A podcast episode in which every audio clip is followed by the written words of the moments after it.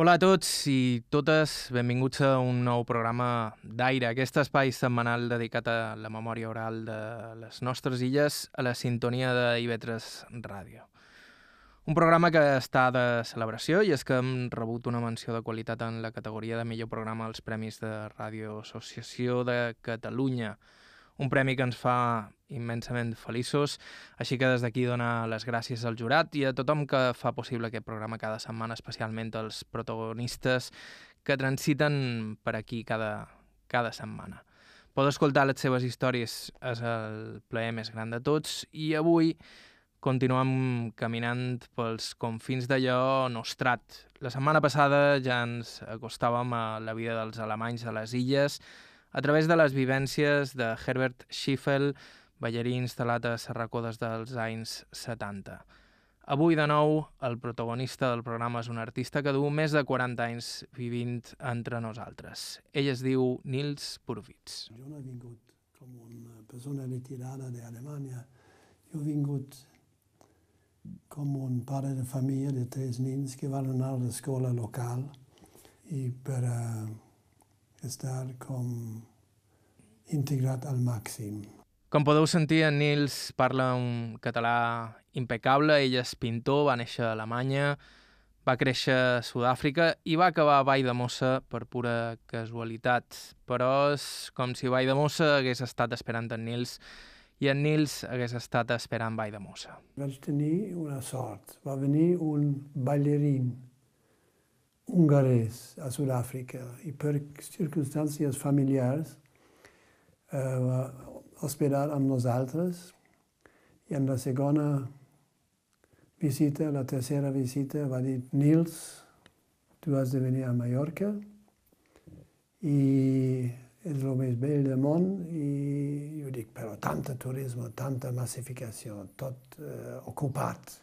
Tots els hotels, tots els llits ocupats, pot ser. No, no, va dir, hi ha un petit poble en la muntanya amb un monestir i no hi ha hotels i hi ha turistes per venen per, durant el dia, la nit tranquil·let i, ai, m'he oblidat el nom, va dir ell. Uh, I surt uh, de la seva butxaca surt un uh, talonari i va mirar el talonari i ahí està Valdemosa. Tu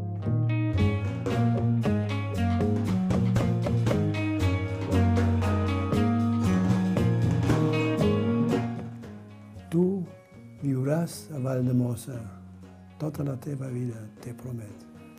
I mira, 42 anys després, encara estic aquí, asseguda a la mateixa taula, a la mateixa casa, amb el bon amic, el ballerí mort, però així són les uh, coses de la vida. Avui a Aire, segon episodi d'aquesta sèrie dedicada als nostres veïns alemanys. Avui la història de Nils Burbitz i de com un pintor alemany pot arribar a convertir-se en un dels pilars de la seva comunitat i en tota una institució dins del seu poble. Començam.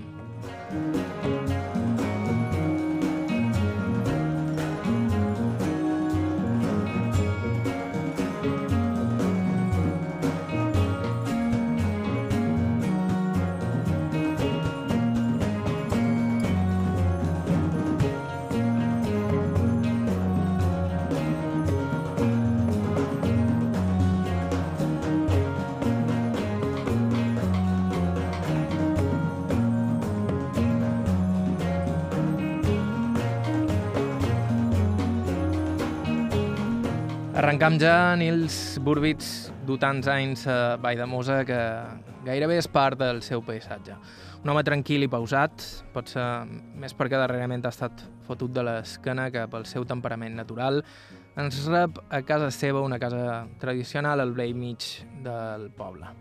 Basta parlar una estona amb ell per intuir una naturalesa enèrgica i veient els seus primers treballs intueixes una fúria increïble, un nervi innegable. I sobretot, un gran talent. Burbits ha estat un artista d'èxit, entre altres coses ha guanyat el Premi Ciutat de Palma d'Arts Plàstiques, per exemple, i les seves vidrieres es poden veure la cartoixa de Vall de Mossa, l'església de Santa Eulàlia de Palma, l'ermita de la Trinitat o el monestir de Lluc, entre d'altres un destí insospitat per a un home que va néixer a 2.395 quilòmetres d'aquí, a la costa del mar Bàltic. Vaig néixer a Svinemunde, que és un poble com de, un port i poble de, amb platja i tot això com Polienza, diguem-ne, no? al nord d'Alemanya, al mar Bàltic, que aleshores va ser part d'Alemanya i avui dia és Polònia. Um, jo nascut allà per l'any 40, començament de la Segona Guerra Mundial, per recordar els joves. Però a l'edat, al meu aniversari, cinquè aniversari, la família es va refugiar a l'oest d'Alemanya.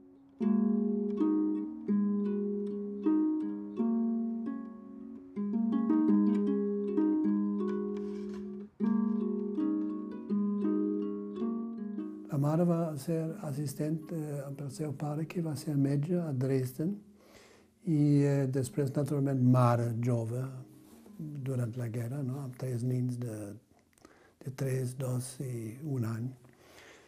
I eh, el papà va ser enginyer i va tenir sort perquè la seva feina sempre reparacions, instal·lacions, va ser molt sol·licitat i no havia de passar molt de temps en uniforme. També va posar una calefacció central a l'estació, avui es pot dir espacial, de Werner von Braun, amb el uh, desenvolupament dels uh, coets. No? Va ser just a la mateixa illa, va ser Peenemünde. Swinemünde va ser el riu Swine i l'altre va ser Pene, que va ser un, un parc natural que van convertir en estació de proves per coets. Just davant casa van fallar tantes, tantes coets. No, al començament va ser terrible, no?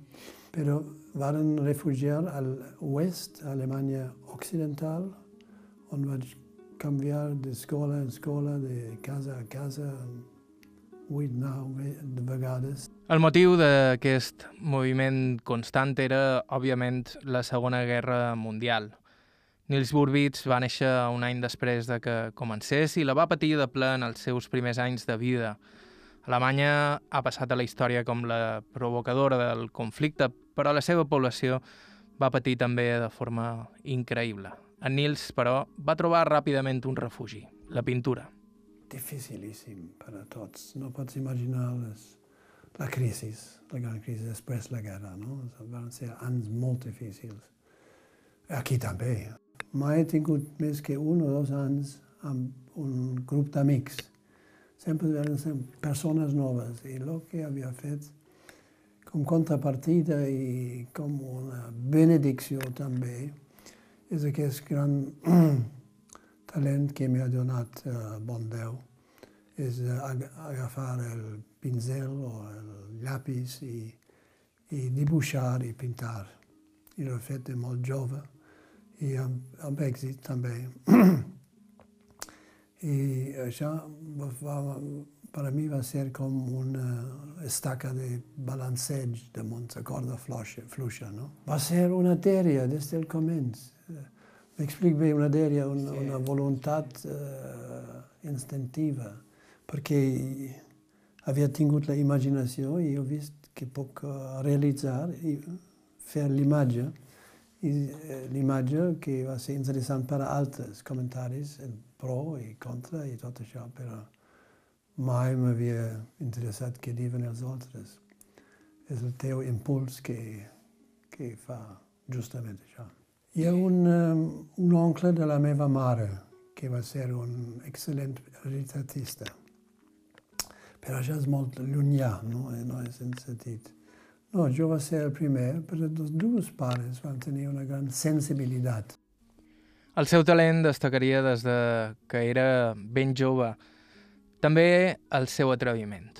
Va ser molt curiós perquè jo vaig ja en Alemanya fer una escapada cada setmana per la tarda, després del col·legi, uh, a una llibreria.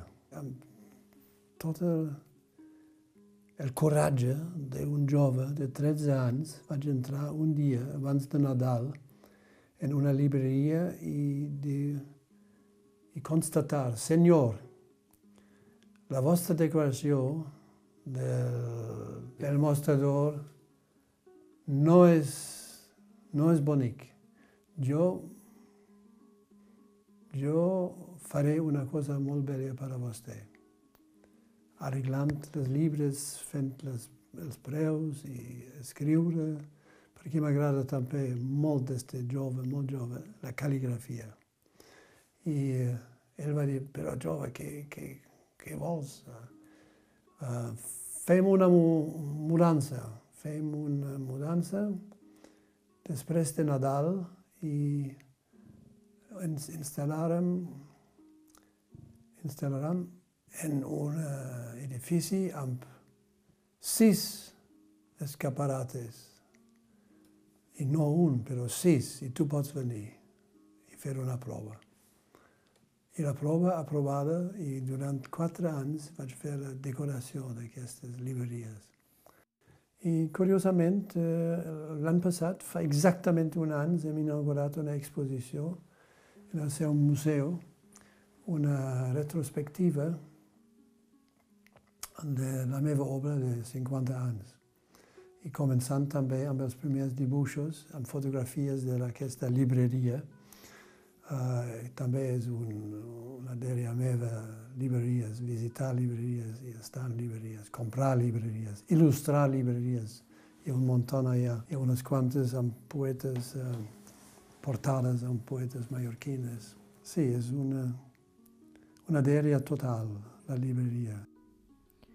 Tot això quan era increïblement jove, un nin realment, perquè la família de Nils Burwitz abandonaria Alemanya quan ell tenia només 8 anys, fugint de la manca de possibilitats al país cap a un país de nou en conflicte, Sud-àfrica. A l'edat de,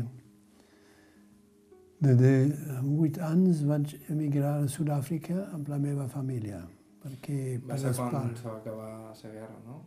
Sí, sí, tot ha acabat, sí, sí, fa anys ja, però els pares no van trobar la feina que volien i hi havia possibilitats a Sud-àfrica. I ahir eh, acabat amb l'escola, per això també he après l'inglès i l'africans, la llengua de flamenca, no? com, es diu, com es diu. I eh, a la universitat, quatre anys d'estudis, Allà a Sud-àfrica. Sí, a Johannesburgo. I eh, quatre anys i després m'han donat una altra beca, com es diu beca? És una altra... Sí, es diu beca. Una beca, sí. Una ajuda.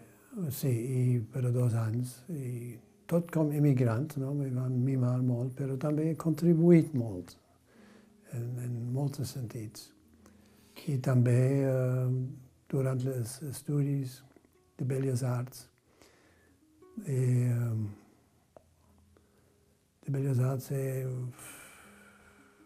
treballat molt contra la política del país, la política de l'apartheid. I uh, ja amb 23, 24 anys vaig fer portades de revistes contra el règim uh, racista, no? I això, endavant, uh, vaig tenir un, un fill, una filla, i això canvi, dona un canvi en l'actitud també. He seguit amb la feina, protesta, polèmica i tot això, per arribar a un punt, amb 35 anys, quan ja no hi puc sostenir més eh, aquest perill, perquè van investigacions i amenaces i escratxes i tot això a la casa e nós podemos imaginar, pero vai ser um, perigoso, cada dia mais. Também a segurança me vai entrevistar e tudo isso.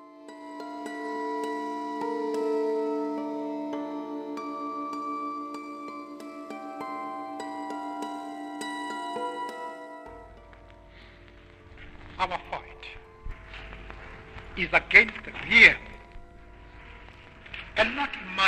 hardships, or to use the language of the state prosecutor, so-called hardships. South Africa is the richest country in Africa. És a dir, and could be one en resum, la família de Burbits fugia d'una Alemanya tocada per la Segona Guerra Mundial i et submergia a la Sud-àfrica dividida per l'apartheid. Però Nils de nou va trobar un refugi de tot allò i una via per expressar-se en la pintura, donant les seues primeres passes com a artista i guanyant-se l'admiració del país. Era un, un altre món. També molt cru, eh, tot... Eh... Però per a mi va ser, una vegada més, va ser un altre motiu per a pintar altres coses. I eh, um, una gran inseguretat, he de dir, perquè vaig arribar en 58 i eh, l'apartheid, la segregació de les races, s'havia instal·lat fermament a partir de 48, 10 anys abans, amb el Partit Nacionalista dels Boers.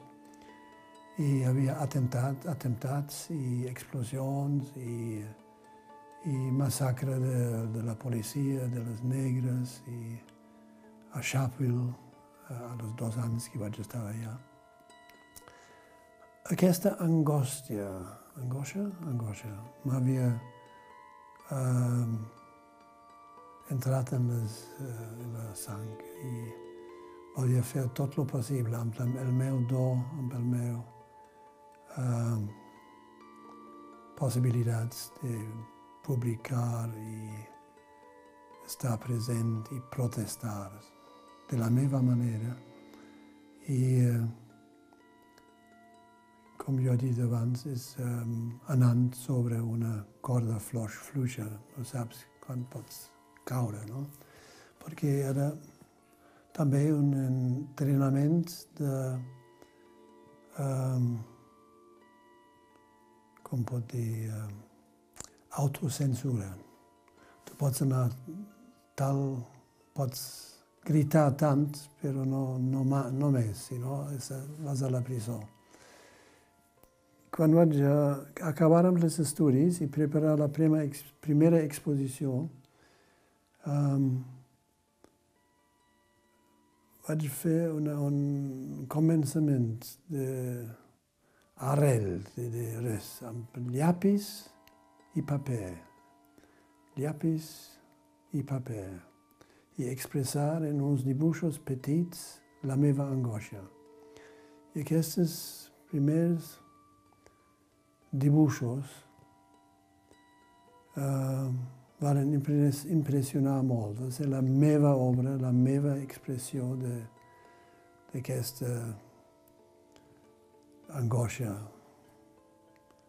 No tinc altra paraula, però també combinat amb una fúria, una ira. I eh, va tenir una intensitat que ja en el meu darrer any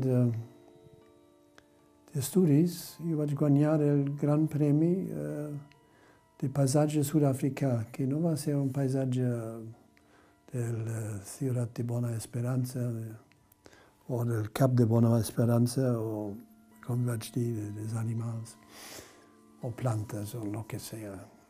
Va ser un paisatge cru,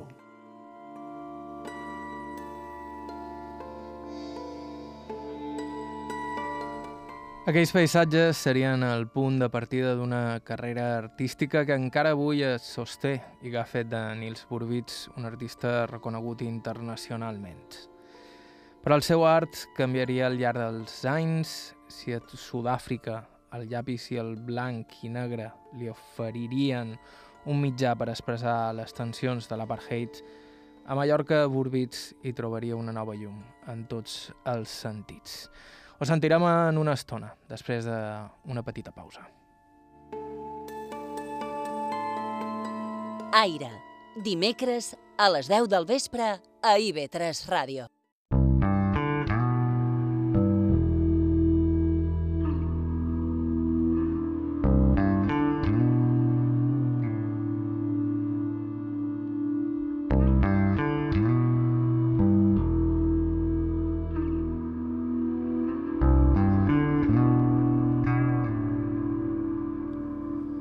Hola de nou, estàu escoltant Aire i Vetres Ràdio. Avui som a Vall de Mossa, a la serra de Tramuntana de, de Mallorca.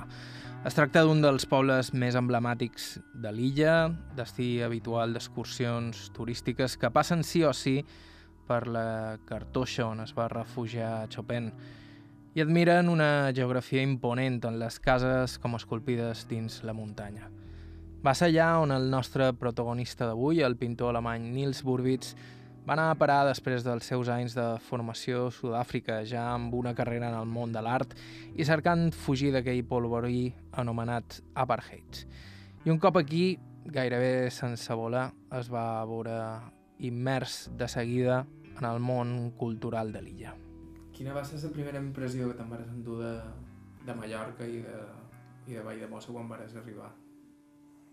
Sí, va ser una escapada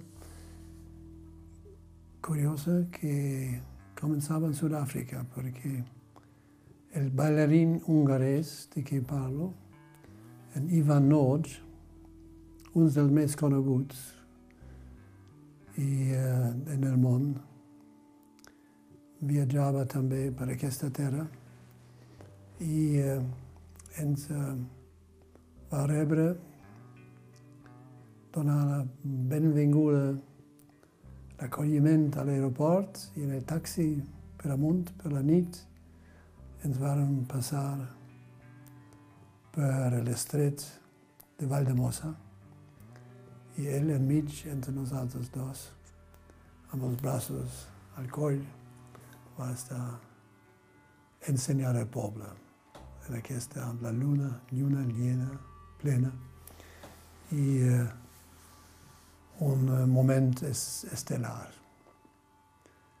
I eh, així em, va ser la primeríssima impressió que he pintat dues o tres vegades després d'altres àngols. I, eh, però el poble mateix va ser, per a dir, asfaltat, no? I amb carrers d'arena encara en parts. I eh, um, molt curiós, molt curiós. Varen venir i instal·lar-nos a casa seva, perquè ell va viure a Nova York, on va ballar a casa seva, i varen encontrar el primer dia, la primera tarda, um, una dona de Palma que va tenir una filla casada en Valdemosa. Una dona que va ser part propietària del Casal Soliric. Ara tu arribes a Mallorca i, i trobes el mateix dia la propietària Casa Morell, es diu, no?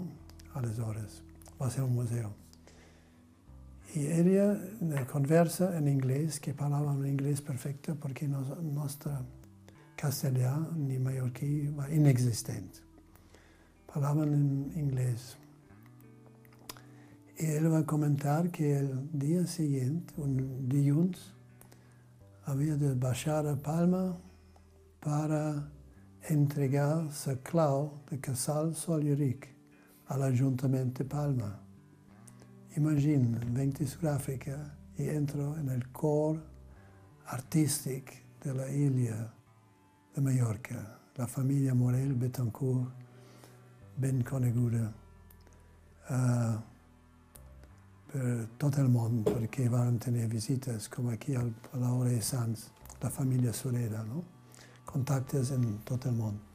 artístiques, culturals. I jo vaig uh, tenir una, una furgoneta i vaig convidar a ella per a conduir a Palma. I vam passar des de l'àtic fins al depòsit d'oli. Tot el palau amb ella com guia, com ningú ha tingut una guia en el casal Solleric. I això du a una altra situació. Concha Morell, Betancourt, estava present. Anys després, quantes anys? 76 a 81, cinc anys després, des de, no sé, des de la seva presència va estar amb el jurat Premi Ciutat de Palma. Aquí Burbits es refereix a quan va guanyar el Premi Ciutat de Palma d'Arts Plàstiques a principis dels anys 80.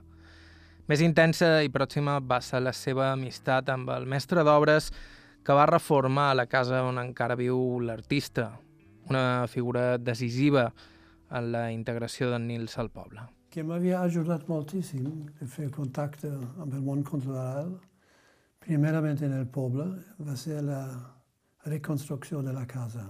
Va ser una, una amistat extraordinària amb el mestre d'obres, en Joan Ripoll, que també ha integrat nostra família amb la seva família, que va tenir més o menys la mateixa edat dels nins, eh, aleshores nins. I eh, com ens hem trobat va ser molt bonic perquè jo he fet entrevistes amb els mestres de construcció, mestres d'obres, i hi havia una situació molt eh, extraordinària que he saludat eh, Joan Ripoll a porta seva, la primera, eh, en el primer encontre, i he vist a, a través de la seva esquena, darrere d'una cortina, una fusta d'una porta. I li vaig demanar, amb el meu primitiu castellà, aquesta porta és de la cartoixa. I ella va dir, com ho saps? No, jo sé, perquè és una manera de tractar la madera extraordinària con eh, frontices invisibles, eh, el, eh, ferro inoxidable, i això han fet a la cartoixa. I ell me va explicar que eh, les primeres paraules també en mallorquí, això és llenya en vermell i totes aquestes coses. I, i ell havia vist el meu interès intens per aquesta obra de carpinteria. I jo vaig preguntar, i per què està la porta aquí? Ah, sí, l'Ajuntament eh, havia fet una remodelació per al seu museu d'obres, de pintures, i havien llevat dues portes i fer una finestra gran per a la il·luminació, una gran finestra. Ah, i jo vaig preguntar, naturalment, i l'altra porta? A Palma per l'arquitecte. I eh, dues setmanes després arriba un dels seus empleats, un picaperder, i diu, el mestre volia veure a vostè a casa seva. Jo a casa seva i davant casa seva, a terra, inclinat a la paret, estava l'altra porta. Ell havia negociat l'altra porta que torni a Valdemossa i que estaria una vegada més instal·lat com una porta de terrassa, perquè només es pot tancar per endins. És com en les terrasses de la cartoixa. Hi havia una, com, una justícia en aquesta tornada a Valdemossa. I així començava una amistat extraordinària amb el que descansi en pau, amb en uh, Joan Ripoll. I uh, ell després va convidar el tercer nin nostre com un àngel en la carrossa de la Beata, són aquestes coses. I, i, uh, i començava una gran amistat, com ja he dit, però també he fet eh, la semblança seva, un dibuixet, després un quadre, després he dibuixat tots els obrers que van eh, congregar al bar meriendes cada matinada abans de les 8 per ser distribuït per al poble. I, i així he conegut els meus picabreders, tot respecte per ells, han fet una gran feina. Totes aquestes arcs aquí, tot canviat. Sí, tot canviat. Respectant tot la monarquia. Mira, començant amb la porta, sí. que és un portal. I, uh, i així... Uh, exposicions i els veïns, els veïns era el més meravellós. La gratitud de Nils Burbits va més enllà de l'amabilitat d'alguns i les facilitats que es va trobar per integrar-se a la vida del poble. Ell m'explica que fins i tot la dona de la neteja li va comprar uns quants quadres i que entre uns i els altres varen ajudar-lo a guanyar-se la vida aquells anys. Però la passió d'aquesta gent per la pintura mi ha salvat també. Que jo crec que mai hauria passat a Alemanya o Inglaterra i d'aquesta manera tan personal i tan... una passió, no? Per aleshores. Sempre s'ha dit que la tramuntana, aquesta zona de tramuntana, de Ava i de Mossa, està refugi per, per molts de pintors. No sé quina explicació li trobes tu. Que...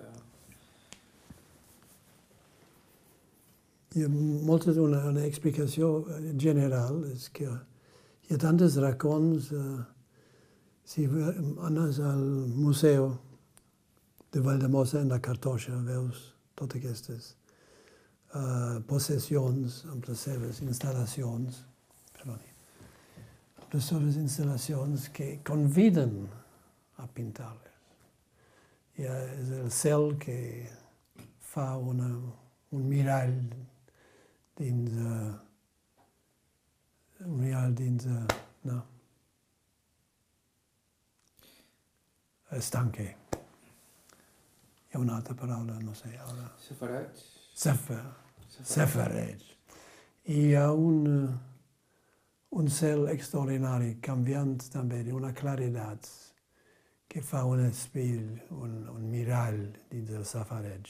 I d'aquest enamorament amb el paisatge va sorgir un dels projectes més íntims i personals de Nils Burbits, les anomenades terrasses per Marina, les cartes pictòriques en què l'artista es comunicava amb la seva dona en uns anys en què el tràfic de nins per casa li impedia fer-ho en persona. I eh, jo, per la meva part, he fet un, una cosa fora de sèrie, amb el temps més fora de sèrie, que he triat una perspectiva de bancal a través del vall al, al bancal davant. I aquestes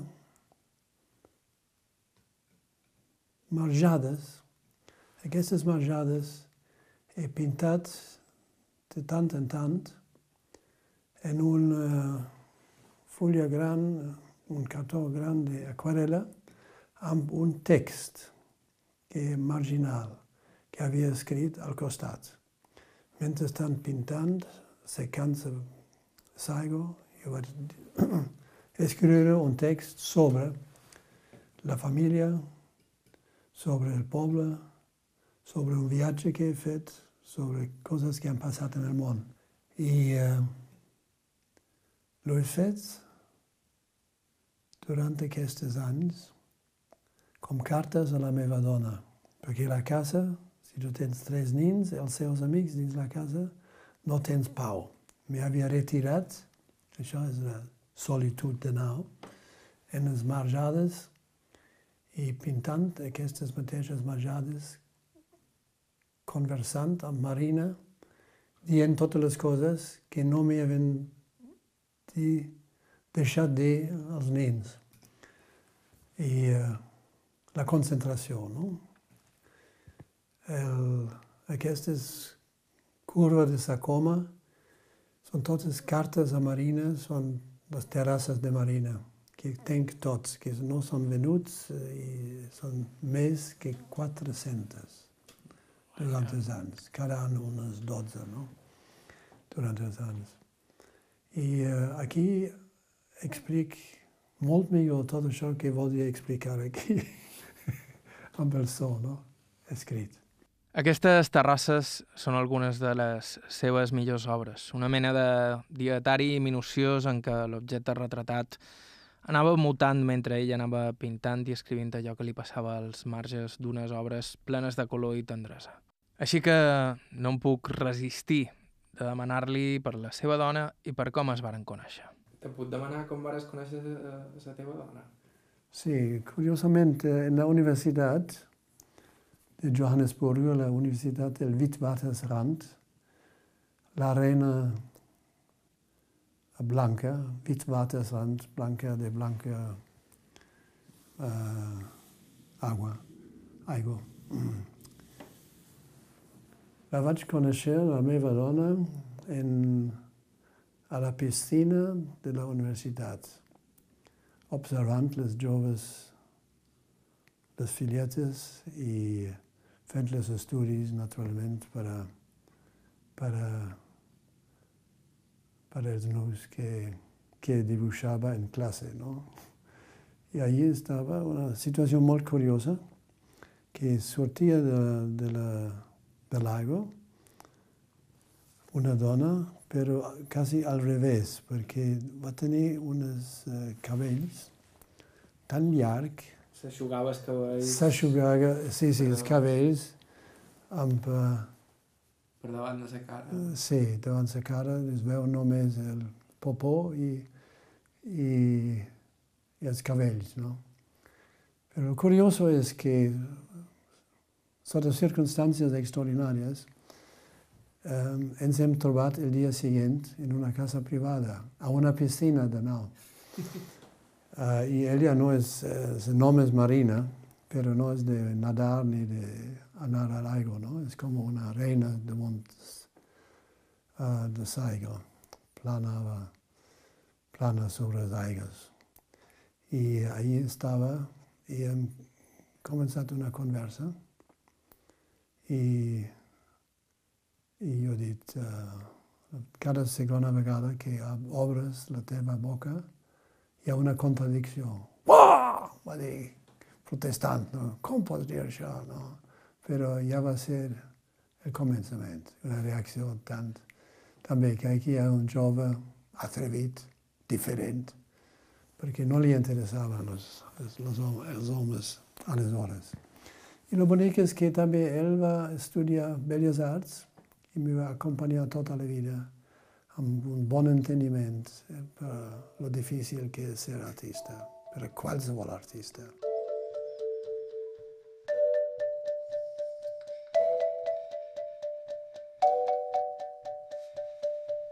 Era Nils Burbits, el protagonista d'avui aquí a Aire, un programa dedicat cada setmana a la memòria oral de les nostres illes i en aquests darrers episodis dedicat especialment a alguns alemanys venerables com en Nils, que fa dècades van decidir establir-se aquí.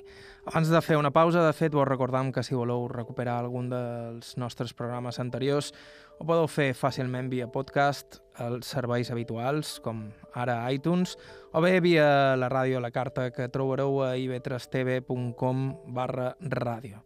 Nosaltres fem una petita pausa i tornem en uns segons. Joan Cabot. Aire.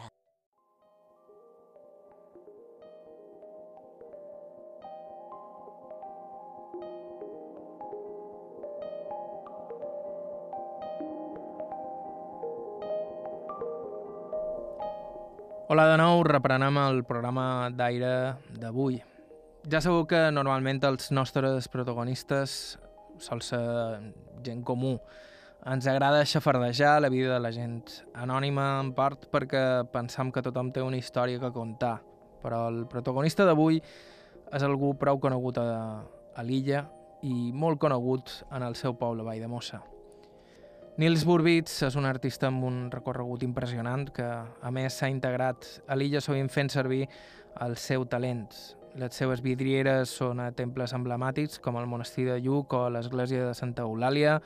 Els seus treballs han aparegut a les portades de llibres d'escriptors i poetes locals i fins i tot ha fet una escultura per la germandat de donants de sang.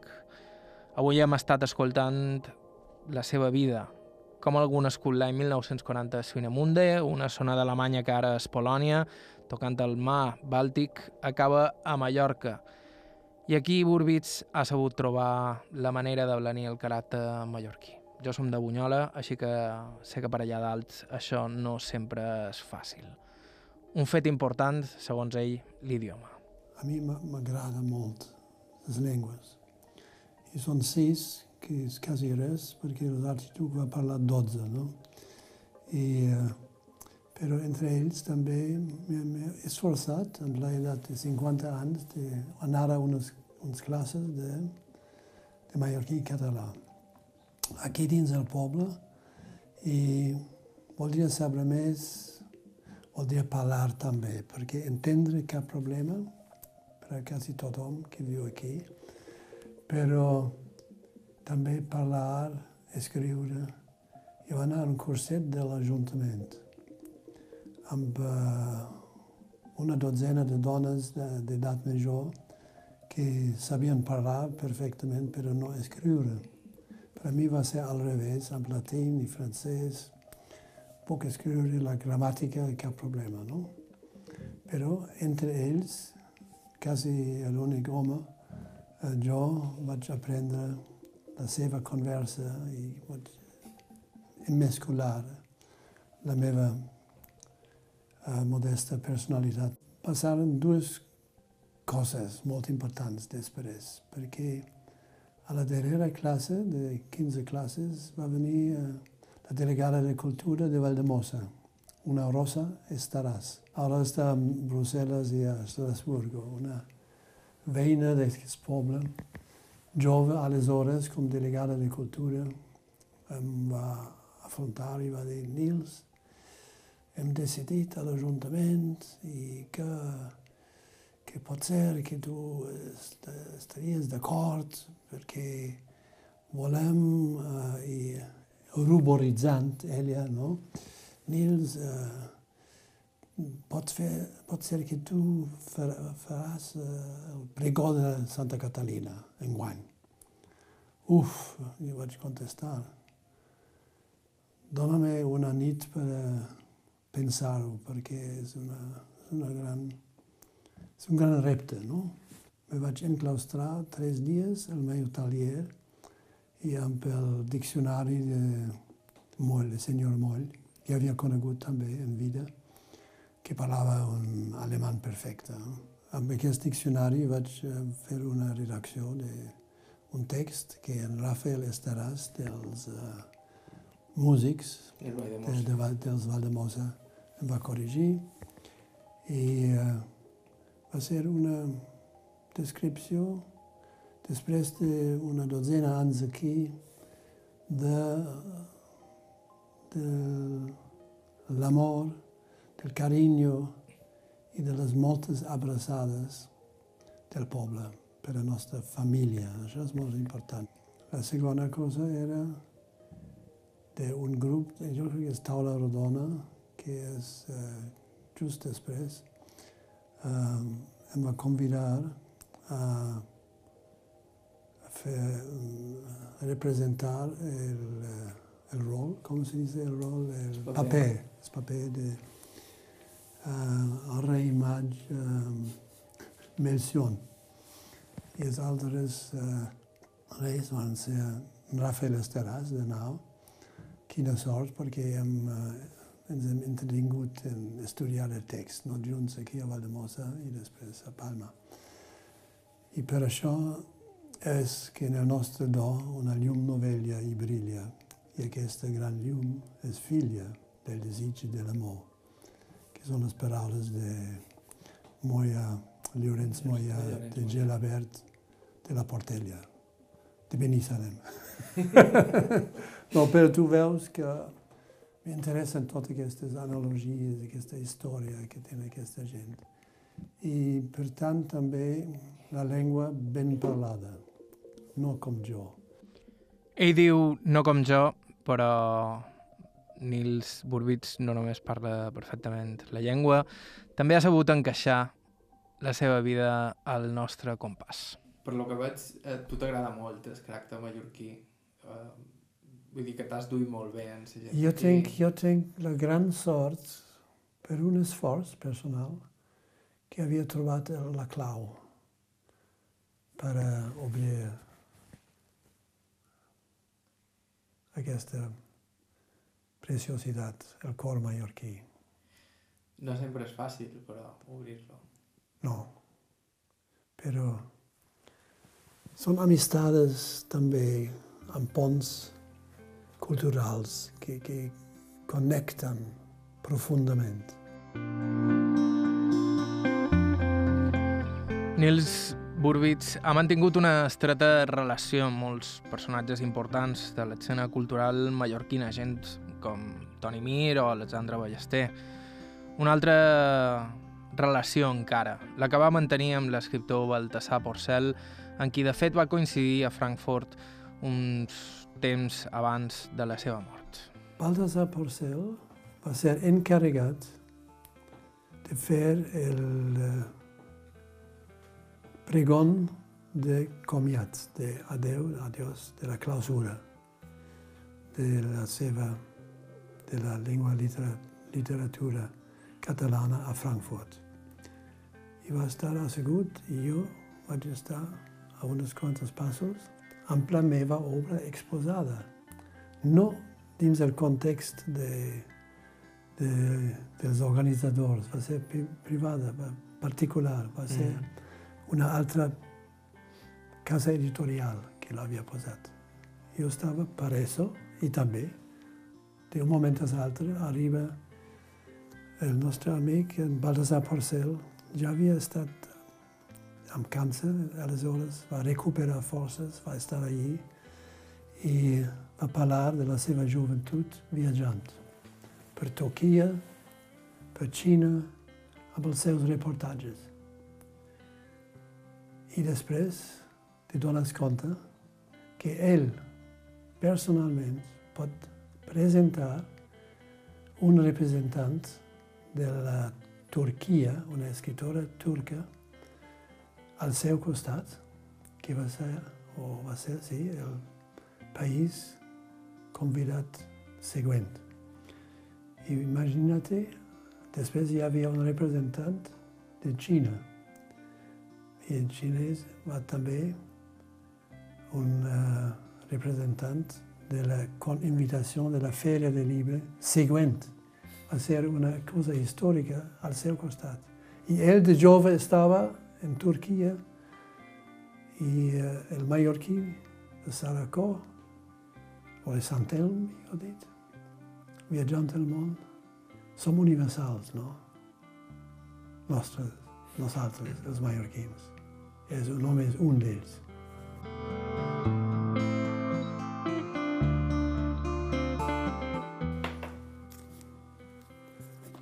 Aquest és el catàleg de l'exposició a la Pobla. Aquests són els primers dibuixos, eh? els Aquests són els que...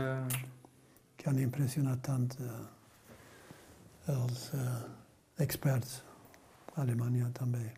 És que són increïbles. Va ser una primera fase Mira, és només llapis, eh, no és carbó, és eh, grafito. I anys més tard, no? És una edició sobre una platja. Mm, aquesta és increïble. Sí. I eh, serigrafia, i la primera és així. Després... Ha arribat l'hora d'acomiadar-nos.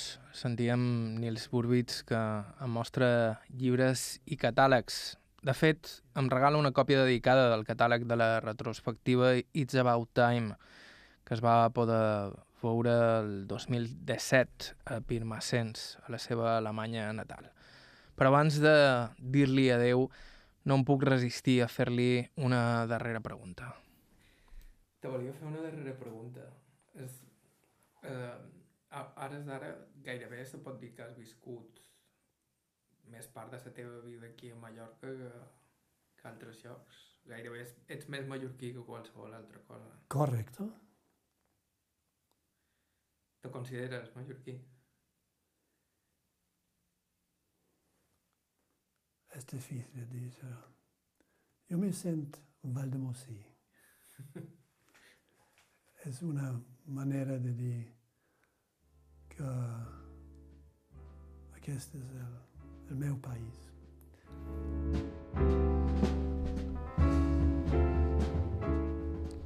I fins aquí, Aire, per avui. Moltíssimes gràcies a Nils Burbits pel seu temps i paciència i la seva amabilitat.